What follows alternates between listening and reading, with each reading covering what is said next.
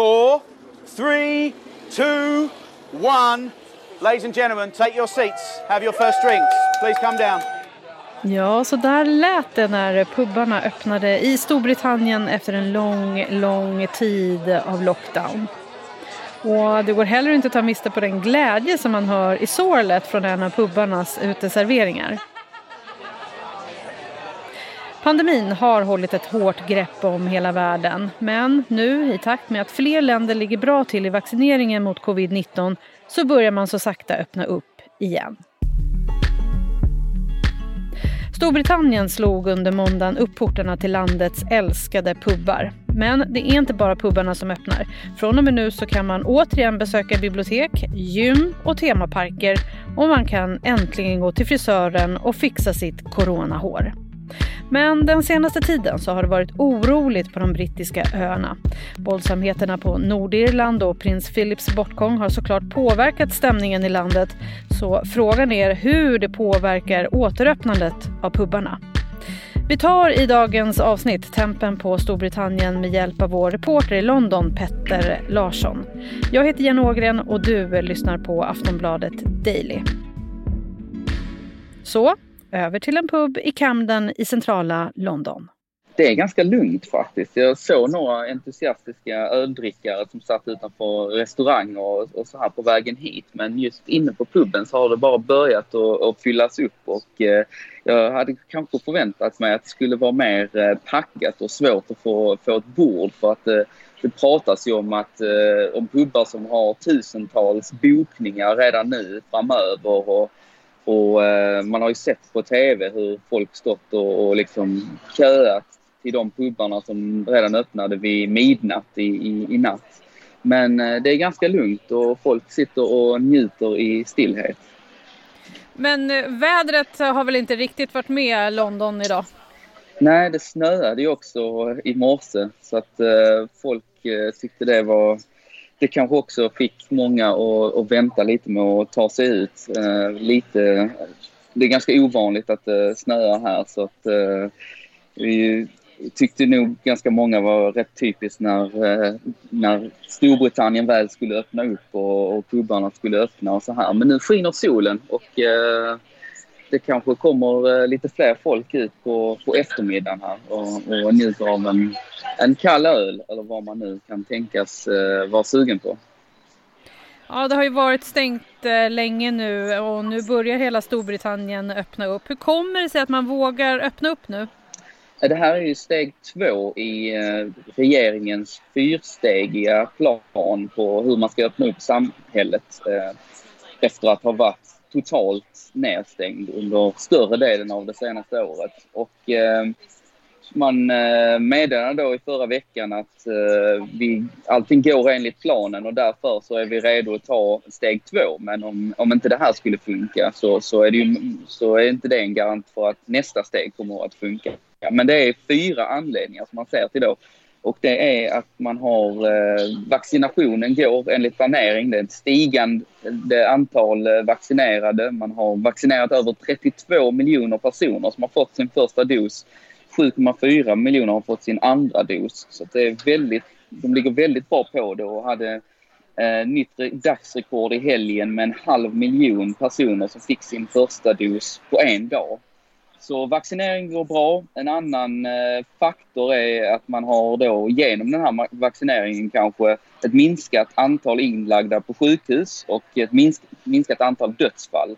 Eh, vi såg ju sju personer som hade gått bort eh, med covid-19 eh, under söndagen och eh, ja, det är lägsta, den lägsta siffran sedan i september. Så det går också på, på rätt håll.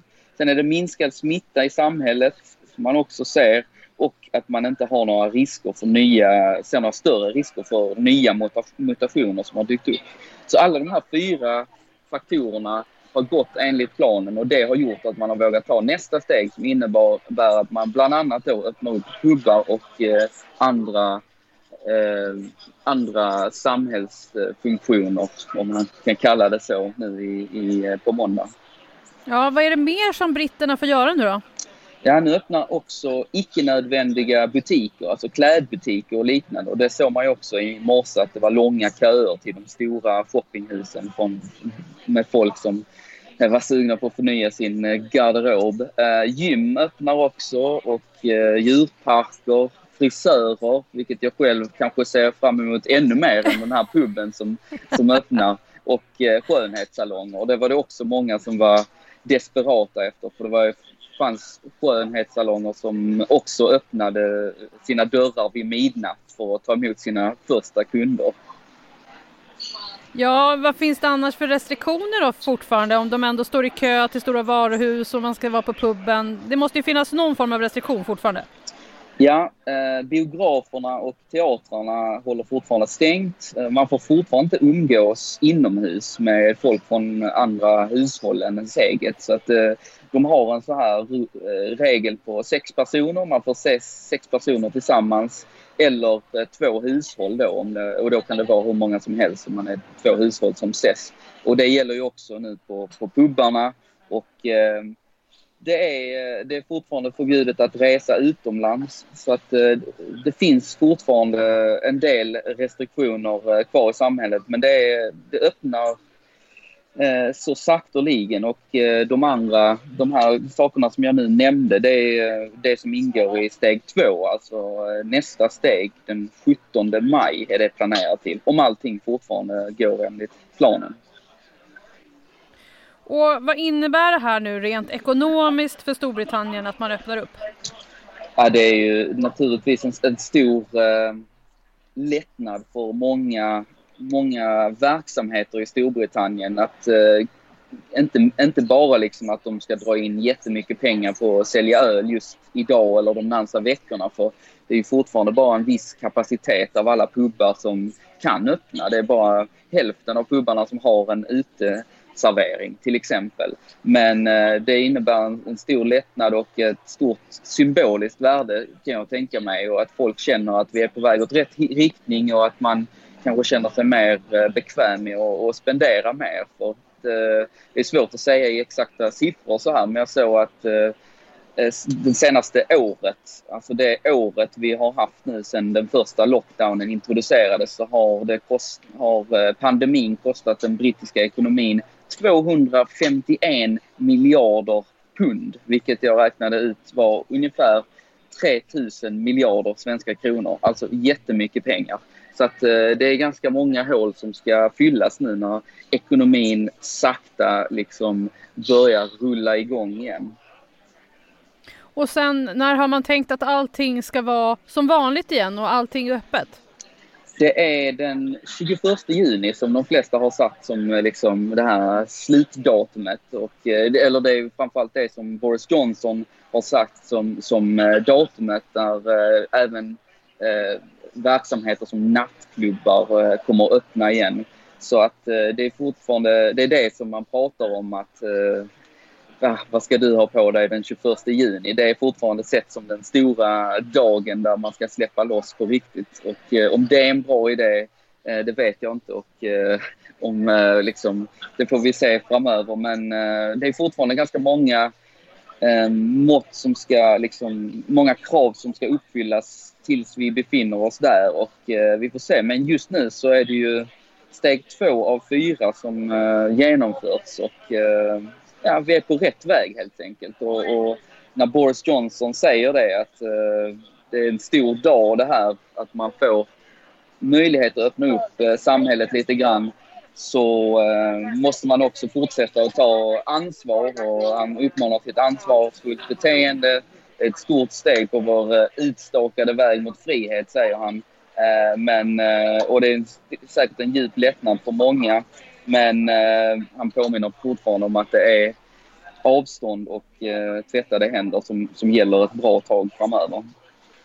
Men Boris Johnson sa väl att han själv skulle gå ut på puben idag?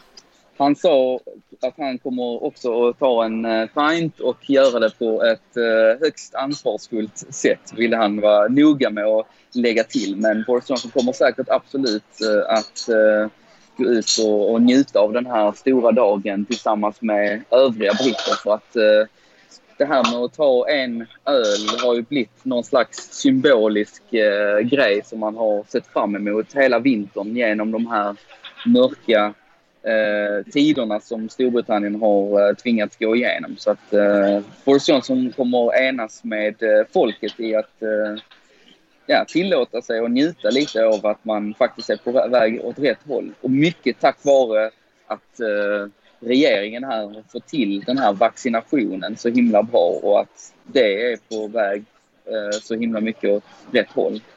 Eh, ja, det är som du säger, det har varit en del mörka månader för Storbritannien och det har ju hänt en hel del på de brittiska öarna bara den senaste tiden. Det är oroligheter på Nordirland och prins Philip har nyligen dött. Tror du att det här påverkar stämningen av, eh, och återöppnandet av landet?